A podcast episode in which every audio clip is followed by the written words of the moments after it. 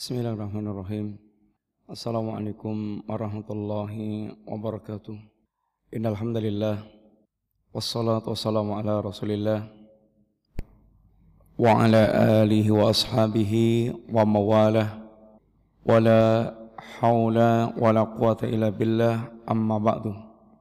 Alhamdulillah ikhwati rahimani wa rahimakumullah.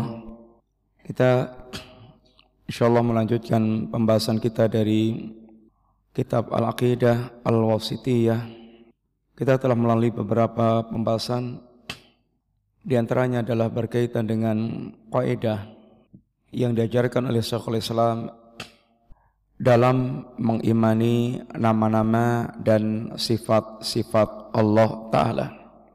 Al-Sunnah dalam mengimani nama dan sifat Allah seperti apa yang Allah dan Rasulnya telah terangkan tentang diri Allah, nama dan sifatnya, maka Al-Sunnah mengikuti semua nas-nas itu tanpa melakukan tahrif, tanpa melakukan tamthil, tanpa melakukan takyif, tanpa melakukan taktil.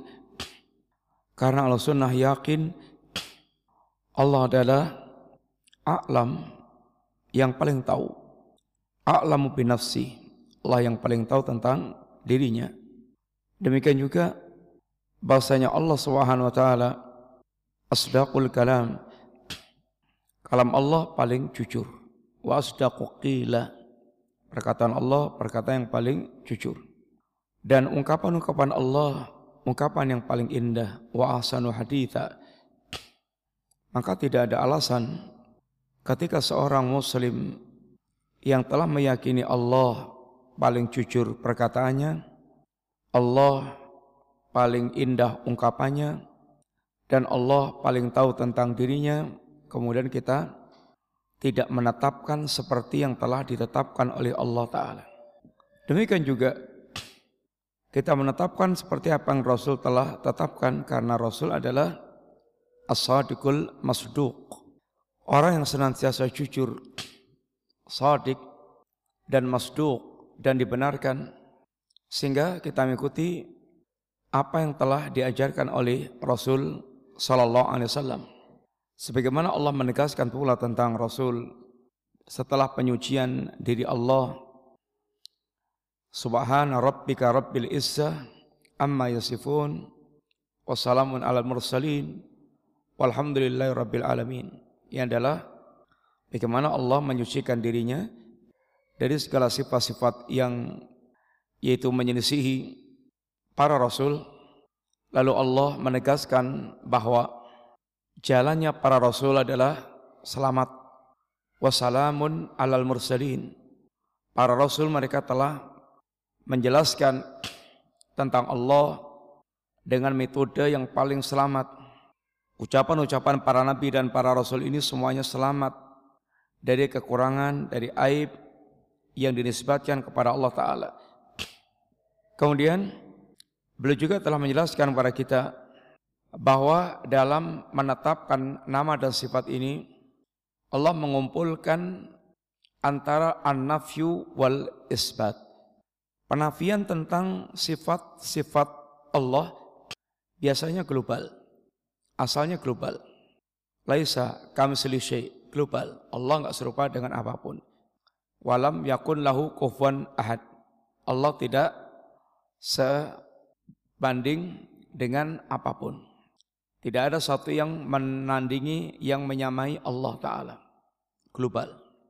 Wal isbat dan Allah juga mengisbatkan nama-nama Allah, sifat-sifat Allah kalau nafyu itu asalnya ijmal, global. Kalau isbat asalnya tafsil, rinci. Rinci. Akan tapi terkadang datang penafian tapi bentuknya rinci. Penafian bentuknya rinci. Pemanya layat limu ahadan. Allah tidak mendolimi seorang pun rinci dolim. Kemudian contoh lagi ini wa mamasana mil logo rinci Allah tidak terserang capek. Kemudian juga la ta'khuduhu sinatun wala naum. Rinci. Allah tidak terserang kantuk maupun tidur. Terkadang datang dalam bentuk rinci seperti itu. Kalau penafian bentuknya rinci seperti itu, itu mengandung penetapan pertama biasanya membantah untuk membantah tuduhan sebagian manusia yang menisbatkan sifat-sifat aib kepada Allah Ta'ala. Umpamanya orang Yahudi mengatakan Allah capek pada hari ketujuh setelah enam hari Allah menciptakan langit dan bumi hari ketujuh Allah capek. Allah katakan Allah ciptakan langit dan bumi dalam enam hari wama masana mil lugu. Allah menciptakan langit dan bumi dalam enam hari dan Allah tidak terserang capek. Demikian juga di balik penafian yang rinci ini ini untuk menetapkan kesempurnaan sifat yang bertentangan dengan penafian Allah tersebut. Sehingga kalau Allah menyebutkan penafian dengan rinci, di balik itu ada penetapan kesempurnaan tentang sifat Allah Subhanahu wa taala. Kemudian kita masuk pada kalimat beliau waqad dakhala fi hadhil jumlah dan ya ini masuk dalam pembahasan tentang Allah mengumpulkan sifatnya itu antara nafi dan isbat yaitu ma wasafallahu bi nafsahu fi suratil ikhlas apa yang Allah mensifatkan dirinya, kandungan nafi dan isbat dalam surat Al-Ikhlas ini, yang surat ini allati ta'dilu thuluthal Quran, yaitu senilai dengan sepertiga ini Al-Quranul Karim. Suratul Ikhlas, ini surat Al-Ikhlas, surat yang sangat agung. Surat yang sangat agung. Surat ini dikatakan dengan Al-Ikhlas yaitu yang artinya adalah murni dari dua sisi. Surat ini dikatakan ikhlas karena surat ini murni berbicara tentang Allah Ta'ala. Tentang Tauhid. Dari awal sampai akhir surat ini, ini murni bicara tentang ini Tauhid. Yang kedua, surat ini dikatakan ikhlas, yaitu memurnikan Allah Subhanahu wa taala. Memurnikan Allah Subhanahu wa taala. Sehingga Allah benar-benar esa. Dan surat ini di antara utamanya seperti yang beliau katakan yaitu senilai dengan sepertiga Al-Qur'an. Nabi pernah mengatakan ayat jisu ahadukum ayaqra'a fi lailatin al Qur'an. Ada enggak di antara kalian yang mampu membaca sepertiga Al-Quran dalam semalam. Apakah di antara kalian ada yang mampu membaca Quran sepertiga Quran dalam semalam? Maka kata para sahabat, wa kaifa yaqra'un al Quran. Bagaimana kita membaca sepertiga Al-Quran?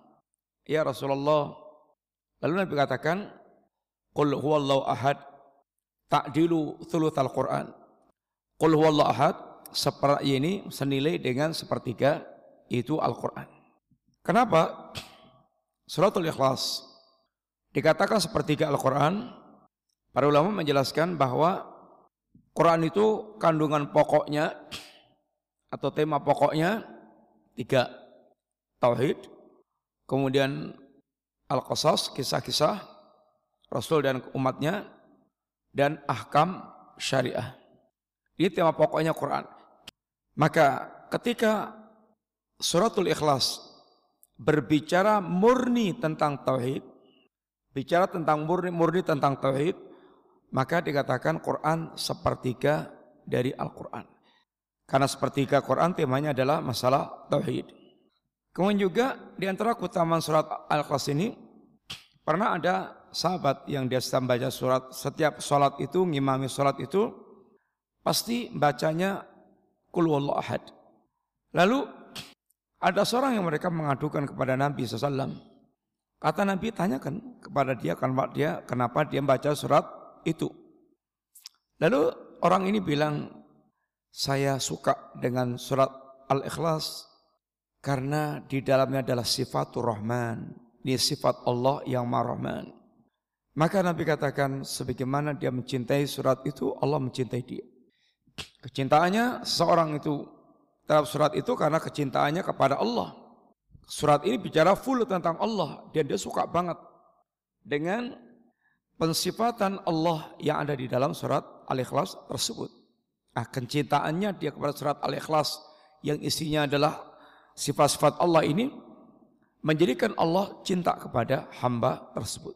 Dan kita juga mengatakan bahwa man qara'a ini barang saya membaca qul ahad sampai selesai 10 kali dalam sehari Allah akan bangunkan ini baginya rumah di surga.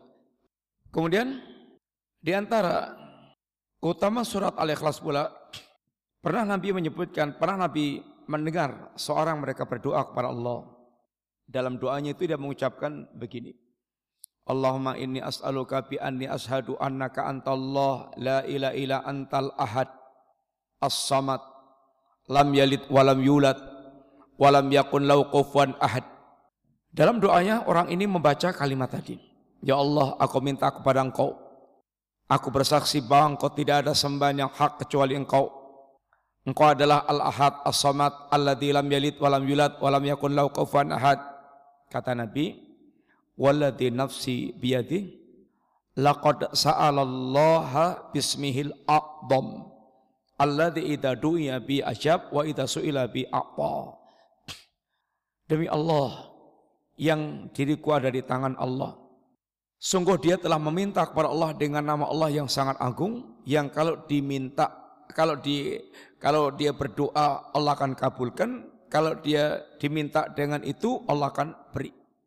Sehingga ini kalimat yang mengandung keutamaan di antaranya berkaitan dengan masalah doa yang membawakan kalimat tersebut. Dan Nabi kita mengajarkan untuk membaca qul ahad ini dalam beberapa event. Di antaranya di antaranya yaitu afkar sabah wal masa. Nabi mengajarkan untuk dibaca pada waktu dikir pagi dan petang.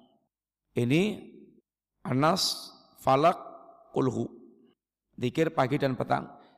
Kemudian juga sebelum tidur juga baca ayat kursi Anas, Falak, Kulhu.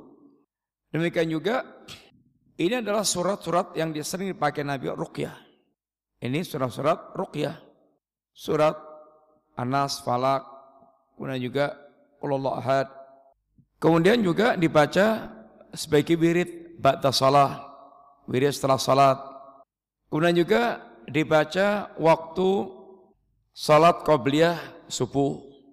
Rakaat pertama Al-Kafirun, rakaat kedua Kul ahad. Juga ba'diyah maghrib. Sama juga sunahnya ba'diyah maghrib yaitu rakaat pertama kalfirun, rakaat kedua ini kulhu. Kemudian juga dibaca waktu witir. Tiga rakaat sabihis, kemudian kul ya yal kafirun, kemudian kulallahu ahad. Ini adalah di antaranya tempat-tempat ini baca surat kul ahad. Juga termasuk waktu kita umroh. Atau waktu kita habis tawaf Ka'bah, kemudian sholat di belakang makom Ibrahim, maka juga rakaat pertama Al-Kafirun, rakaat kedua ini kulwallahu ahad. Sehingga kulwallahu ahad termasuk surat yang, yang sangat angkung keadaannya. Kemudian ada pun isi kandungannya sekilas Qul huwallahu ahad. Katakan bahasanya Allah itu ahad. Di antara sebab turunnya ayat ini adalah orang-orang Quraisy meminta agar Muhammad menasabkan Tuhannya. Nasabkan Rabbmu ya Muhammad. Allah turunkan surat Qul ahad.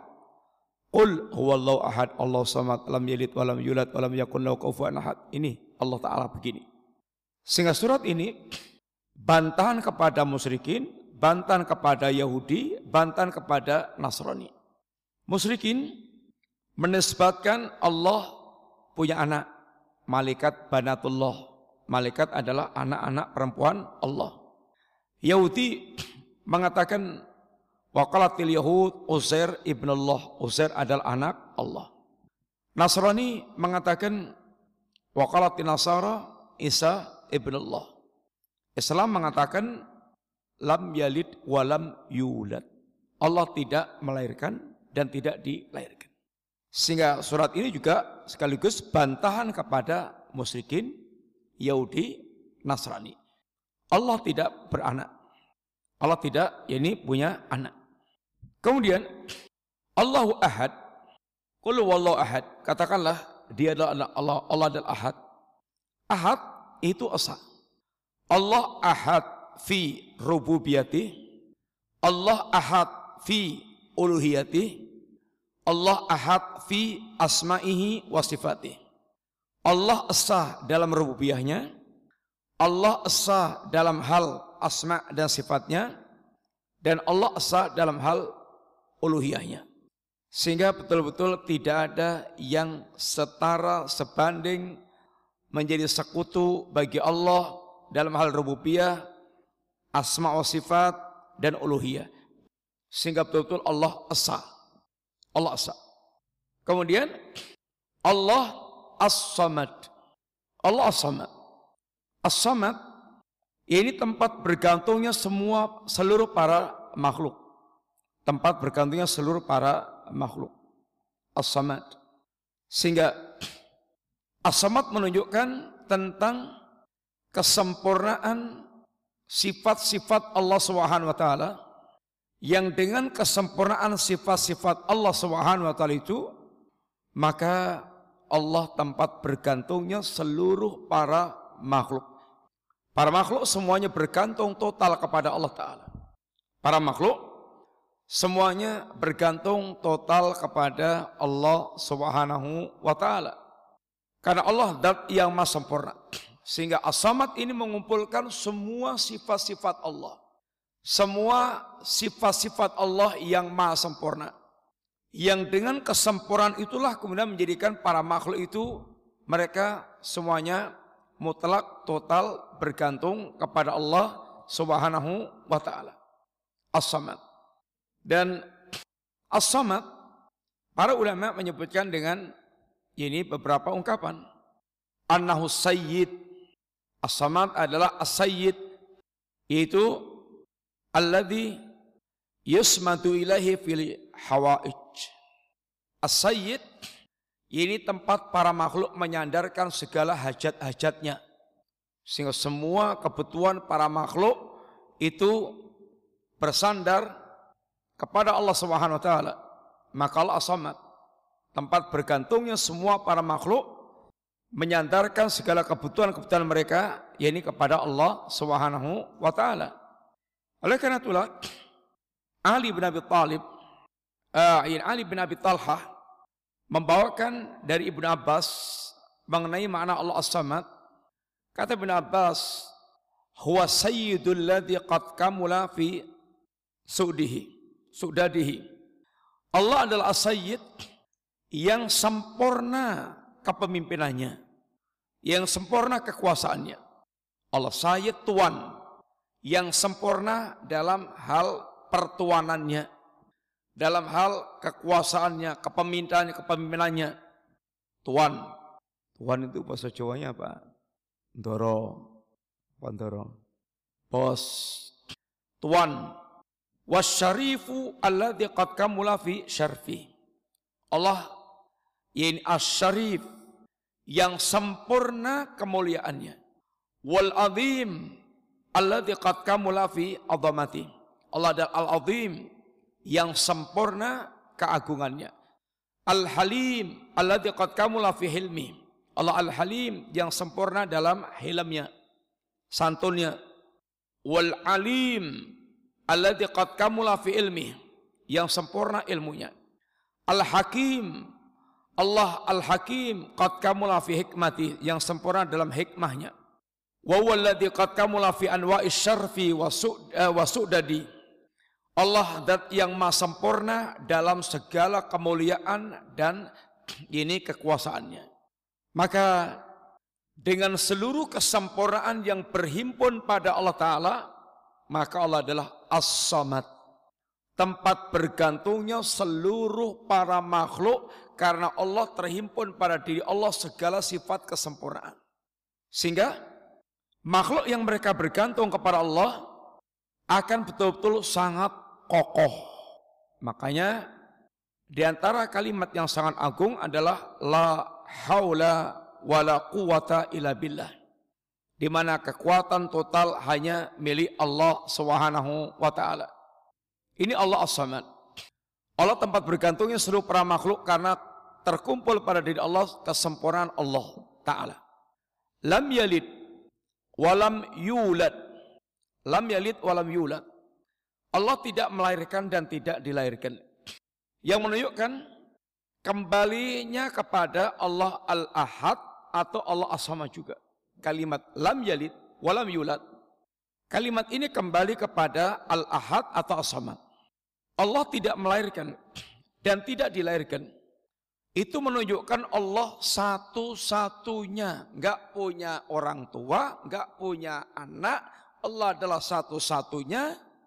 Memang Allah enggak butuh orang tua, enggak butuh anak. Sehingga menunjukkan Allah ahad, satu-satunya. Atau kembalinya kepada as-samad. Punya anak, melahirkan, atau punya orang tua. Itu semuanya berkaitan dengan kebutuhan, ketergantungan, kebutuhan. Orang tua punya anak, karena orang tua berharap nanti anaknya yang akan mengurus dia di masa tuanya, anaknya yang akan menggantikan, meneruskan, ya ini apa yang menjadi uh, perihalnya, sehingga ada pewarisnya, yang jelas orang tua membutuhkan anak. Demikian pula anak membutuhkan orang tua. Anak ada masa-masa lemahnya. Membutuhkan orang tua yang mencukupi dia. Sampai nanti dia betul-betul bisa yang ya bisa mandiri. Intinya melahirkan dan dilahirkan itu semuanya berkaitan masalah kebutuhan, ketergantungan atau ini uh, kebutuhan. Maka ini pula berkaitan dengan sifat Allah, eh, nama Allah As-Samad di mana Allah tidak membutuhkan apa pun dan siapa pun. Allah tidak membutuhkan apa pun dan siapa pun. Allah bahkan tempat bergantungnya semua para makhluk. Allah dat yang maha kaya. Makanya ketika Allah membicarakan antara hamba dan Allah, ya ayuhan nas, wahai manusia, antumul fuqara'u ilallah Wahai manusia, kalian adalah orang-orang yang fakir, total mutlak bergantung membutuhkan Allah Ta'ala. Fakir. Allah sifati manusia fakir. Yaitu menunjukkan kebutuhan totalnya makhluk kepada Allah Ta'ala. Makanya Nabi kita dalam mendidik kita, yaitu Allahumma aslih li sya'ni kullah wala takilni ila nafsi tarfata'in. Ya Allah perbaikilah segala urusanku dan jangan engkau sandarkan diriku kepada diriku sendiri walaupun sekejap mata. Nabi di sini mengajarkan kepada kita agar kita betul-betul sangat menyadari tentang kefakiran kita, agar kita betul-betul bisa merasa total mutlak bergantung kepada Allah Ta'ala, membutuhkan Allah Ta'ala. Karena kita fakir. Sehingga hamba yang sangat Allah benci, orang yang mereka sombong, karena merasa cukup, merasa kaya. Hakikat kaya hanya Allah yang memilikinya. Manusia fakir. Tidak bisa manusia mandiri. Nggak bisa. Antum, apa yang menunjukkan sifat mandiri apa? Apa perbuatan apa yang bisa antum mandiri? Antum semua yang kita butuhkan nggak bisa mandiri. Contoh, mau pakai baju. Baju ini sudah melibatkan berapa banyak unsur yang kemudian Anda tinggal pakai baju. Pamannya baju dari kapas. Butuh petani yang menanam kapas. Butuh yang memanen kapas. Nanti kapas butuh diolah di pabrik. Untuk ngangkut ke pabrik itu pakai truk. Butuh pabrik truk truk banyak onderdilnya, ada ada namanya ya busi, ada roda, ada pelek, ada segala macam. Itu membutuhkan banyak pabrik berbagai jenis. Kemudian mesin pengolah kapas sudah jadi lembaran kain butuh pewarna. Pewarna juga membutuhkan sekian banyak tenaga. Apalagi pakai badian-badian juga membutuhkan lagi banyak tenaga. Badai pakai canting dan pakai itu butuh banyak lagi. Oh Masya Allah sudah melibatkan berapa banyak unsur. Antum tinggal pakai bleng gitu aja. Tapi nggak pernah mikir kalau untuk pakai baju ini itu membutuhkan banyak unsur. Mau mangan gedang godok. Yang nanam gedangnya, Kemudian yang masak gedangnya, masak pakai api, pakai kompor, yang buat kompornya, kompor pakai minyak, yang buat minyaknya, makan gedang goreng. Ya pakai minyak, pakai wajan, yang buat wajannya. Udah intinya banyak yang kita libatkan di situ. Kita nggak bisa mandiri. Pengen punya anak, ya juga butuh kerjasama. Cari akhwat, yang mau diajak gandengan bareng kemudian ya terus lahir anak, itu ya butuh kerjasama. Gak bisa mandiri, pengen punya anak ngetoke dewi, ya nggak bisa. Sehingga semuanya kita sangat mutak bergantung bergantung kepada berbagai macam hal. Nggak ada yang kita bisa mandiri. Sedangkan Allah adalah tempat bergantungnya semua para makhluk. Tempat bergantungnya kepada para makhluk. Makanya tauhid itu hasil pendidikan tauhid itu adalah terwujudnya jiwa yang betul-betul dia mengagungkan Allah dan hatinya bergantung total kepada Allah Ta'ala. Ini yang akan menjadikan pribadi-pribadi yang handal, tangguh dalam kehidupannya ketika dia menggantungkan hatinya kepada Allah Ta'ala. Antum kalau menggantungkan kepada makhluk, uh, rapuh, super rapuh. Kuk rakati mau kuk enggak keterima UGM aja gantung diri. Walah walah. Lawangnya keterima UGM aja metu. Ini karena saking rapuhnya jiwa. Saking rapuhnya jiwa. Dia kehilangan gantungan yang membuat dia tangguh dalam menghadapi ini kehidupan. Adapun Allah ketika Allah menyifati hamba fakir fukara ilallah Allah al-ghaniyu. Ghani makaya. Sering kita sampaikan. Kemakayaan Allah bentuknya apa aja, ikhwan? Indra. Kemakayaan Allah gimana bentuknya? Disingkat aja, singkatnya singkatnya gimana? Bentuk kemakayaan Allah bentuknya gimana? Pak Nas, Mas Rino, Mas Gun. Yang pertama apa? Yang pertama yang pertama kemakaian Allah, Allah tidak membutuhkan apa pun dari para hamba, dari para makhluk, termasuk ketakwaan-ketakwaan mereka Allah tidak membutuhkan sama sekali. Allah makaya, enggak butuh. Aku sugih, ora butuh. Sehingga Allah katakan, Ya ibadi law anna awalakum wa akhirakum wa insakum wa jinakum ala atqa qalbi rajulin wahidin minkum ma zata bidzalika mulki syai'an. Ya ibadi law anna awalakum wa akhirakum wa insakum wa jinakum ala afjari qalbi rajulin wahidin minkum ma naqasa bidzalika mulki syai'an. Allah seandainya manusia dan jin yang pertama sampai yang terakhir semua di puncak-puncak ketakwaan atau di puncak-puncak kefajiran itu enggak sama sekali ngefek. Tidak menambah kekuasaan Allah, tidak mengurangi kekuasaan Allah. Allah enggak terpengaruh sama sekali. Alias Allah enggak butuh sama sekali dengan itu semuanya. Allah makaya. Yang kedua, kemakaian Allah yaitu Allah sanggup memberi apa pun yang diminta oleh hamba tanpa mengurangi sedikit pun kekayaan Allah Ta'ala. Tanpa membahayakan Allah, tanpa memberatkan Allah. Maka kalau minta kepada Allah, enggak usah pakai sungkan-sungkan. Duh, perkewa aku, kakean jalui. Allah enggak ada, enggak ada beratnya untuk memenuhi permintaan para hamba. Maka Allah dat yang mencukupi semua kebutuhan para hamba. Tanpa membahayakan Allah Subhanahu. Sehingga Allah As-Samad di mana hamba semuanya bergantung kepada Allah sehingga kalimat nama Allah As-Samad menghimpun semua sifat kesempurnaan Allah sehingga Allah menjadi tempat bergantungnya semua para makhluk.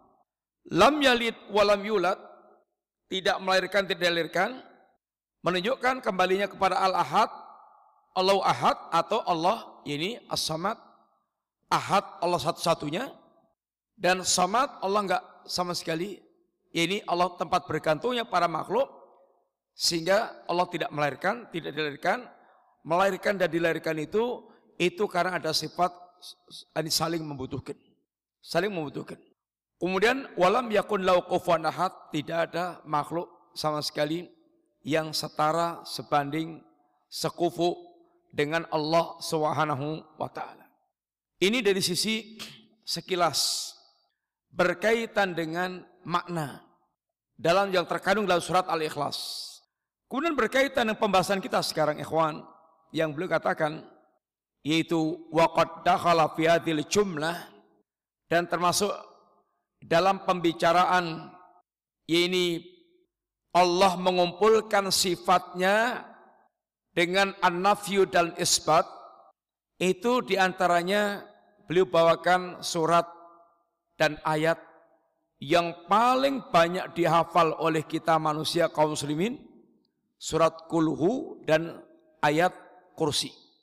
Yang di situ beliau bawakan dua surat ini, uh, surat kulhu dan ayat kursi ini karena ini banyak sekali yang muslimin sudah kenal dan rata-rata mereka membaca surat dan ayat ini.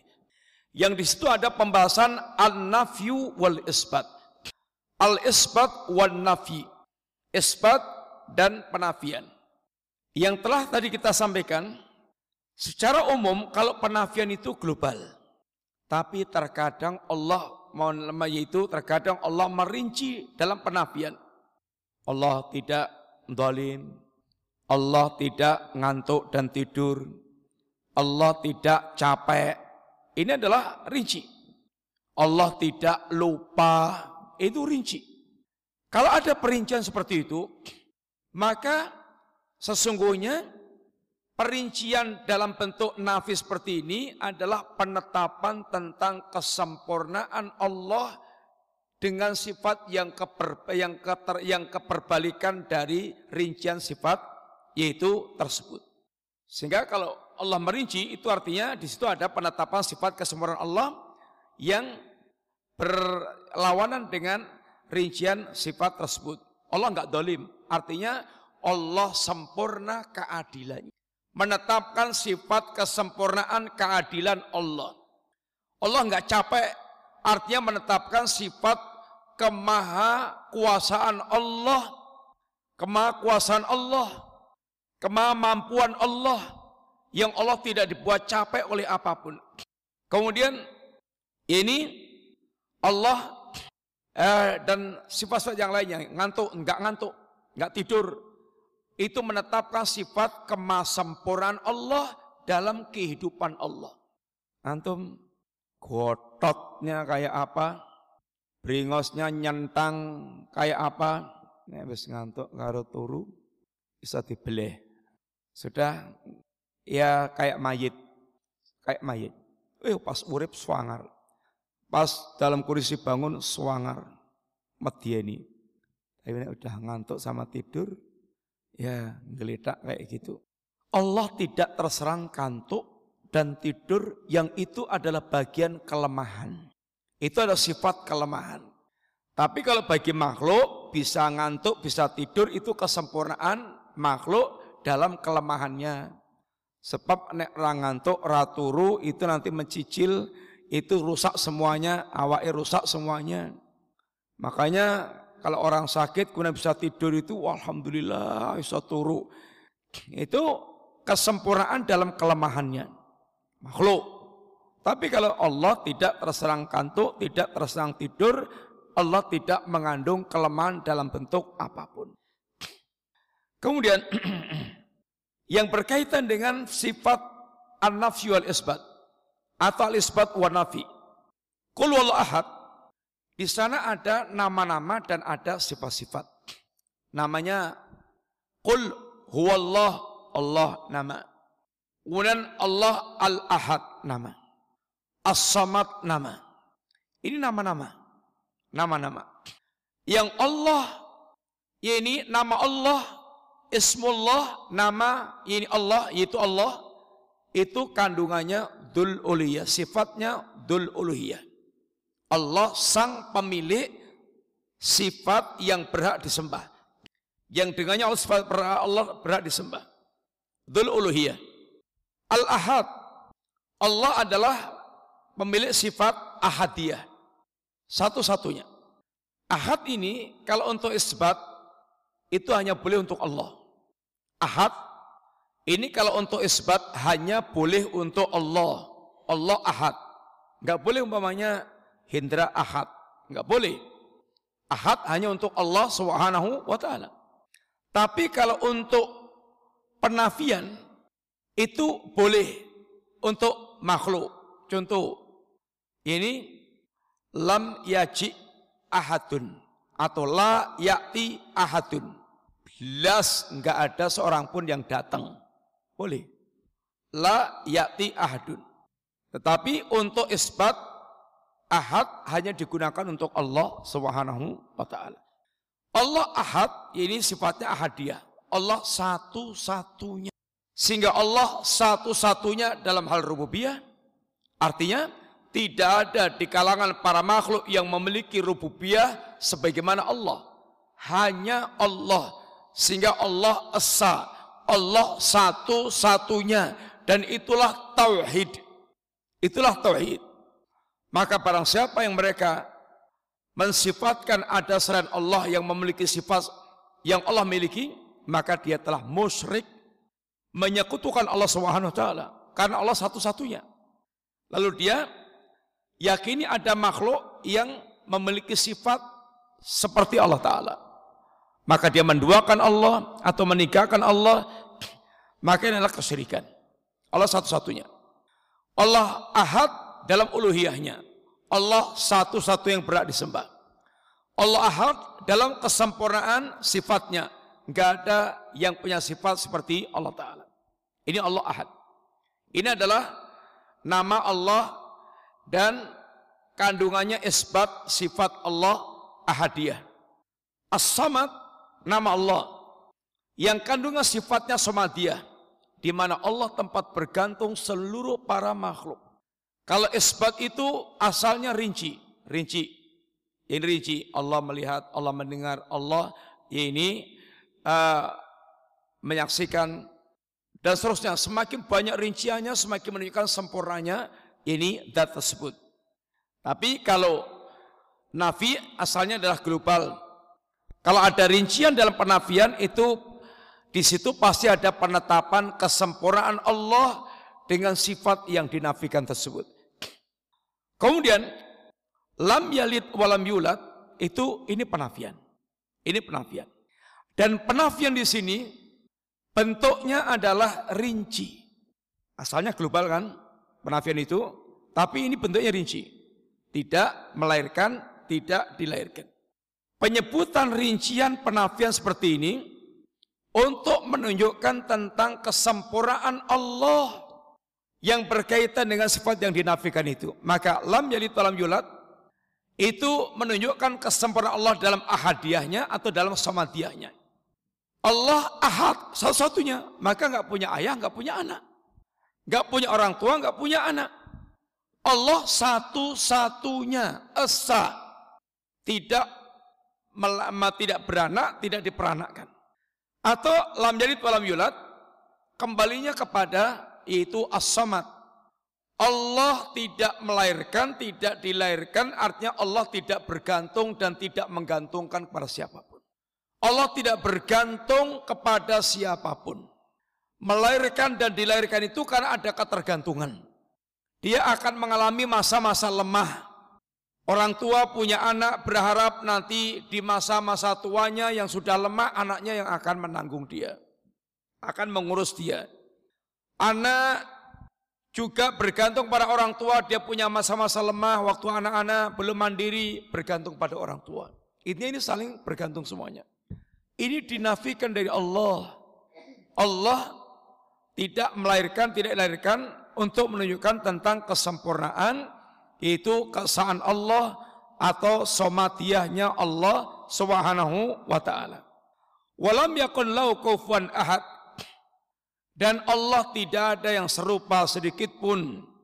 Tidak ada seorang pun yang dari kalangan makhluk yang serupa dengan Allah, setanding dengan Allah Subhanahu wa taala. Ini juga untuk meniadakan adanya kesamaan makhluk kepada Allah. Sehingga Allah total esa, total mandiri, enggak ada yang menyamai Allah SWT sehingga nggak ada duanya. Allah nggak ada duanya. Nggak ada yang menyamai Allah SWT. Allah satu-satunya. Sehingga surat ini dari awal sampai akhir berbicara tentang Allah SWT. Murni bicara tentang Allah. Murni bicara tentang Allah Ta'ala. Maka dikatakan ini surat Al-Ikhlas. Surat yang menunjukkan tentang kemurnian kemurnian berbicara tentang Allah, kemurnian yaitu yaitu keyakinan tentang Allah Subhanahu wa taala. Kemurnian keesaan Allah dan murni bicara tentang tauhidullah, bicara tentang Allah dari awal sampai akhir. Maka dikatakan surat ini Al-Ikhlas, surat kemurnian.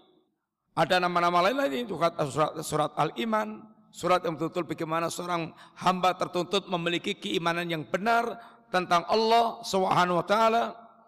Ini berkaitan dengan surat yaitu Al-Ikhlas. Demikian dulu ikhwan yang kita uh, sampaikan pada malam hari ini.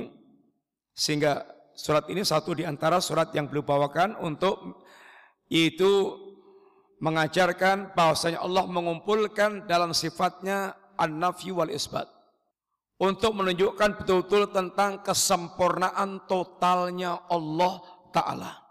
Sehingga orang tergambar bagaimana kesempurnaan Allah dengan isbat rincian, pena, rincian penetapan dan dengan nafi peniadaan tentang ini aib-aib yang disebutkan kepada Allah yang asalnya global yang terkadang Allah datangkan dalam bentuk rincian karena untuk menetapkan tentang kesempurnaan Allah di balik rincian penafian tersebut.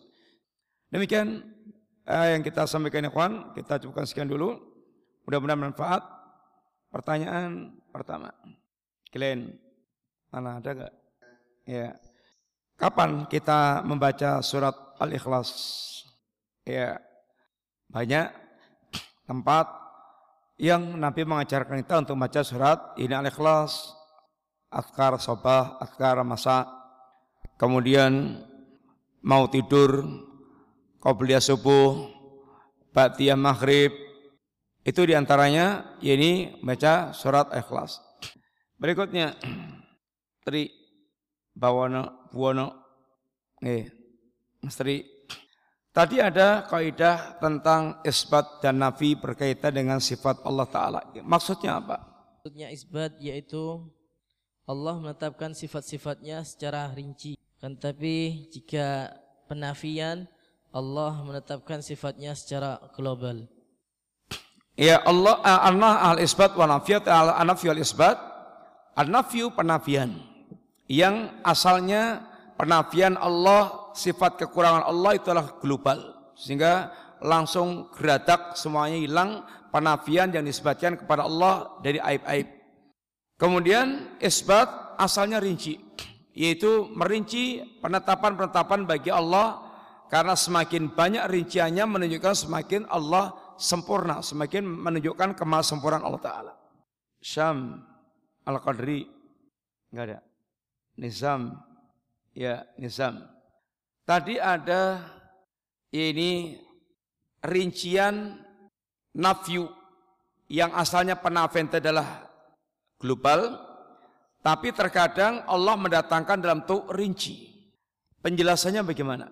Membantah yang menetapkan uh, sifat aib bagi Allah, misalkan Yahudi yang mengatakan Allah capek dan lain-lain. Ia mendatangkan rincian di antara tujuannya adalah untuk membantah orang-orang yang mereka menyimpang. Terus yang kedua? Yang kedua yaitu untuk menunjukkan kesempurnaan. Ya, untuk menunjukkan tentang kesempurnaan sifat Allah di balik perincian dari uh, sifat nah, penafian Allah terhadap sifat-sifat yang buruk tersebut. Syamsul Hadi. Ada enggak? Ya. Tadi dikatakan Surat Al-Ikhlas adalah takdilu thuluth Al-Quran. Surat Al-Ikhlas setanding dengan sepertiga Al-Quran. Apa maksudnya? Iya. Iren, Karina, ada enggak? Iya. Iren.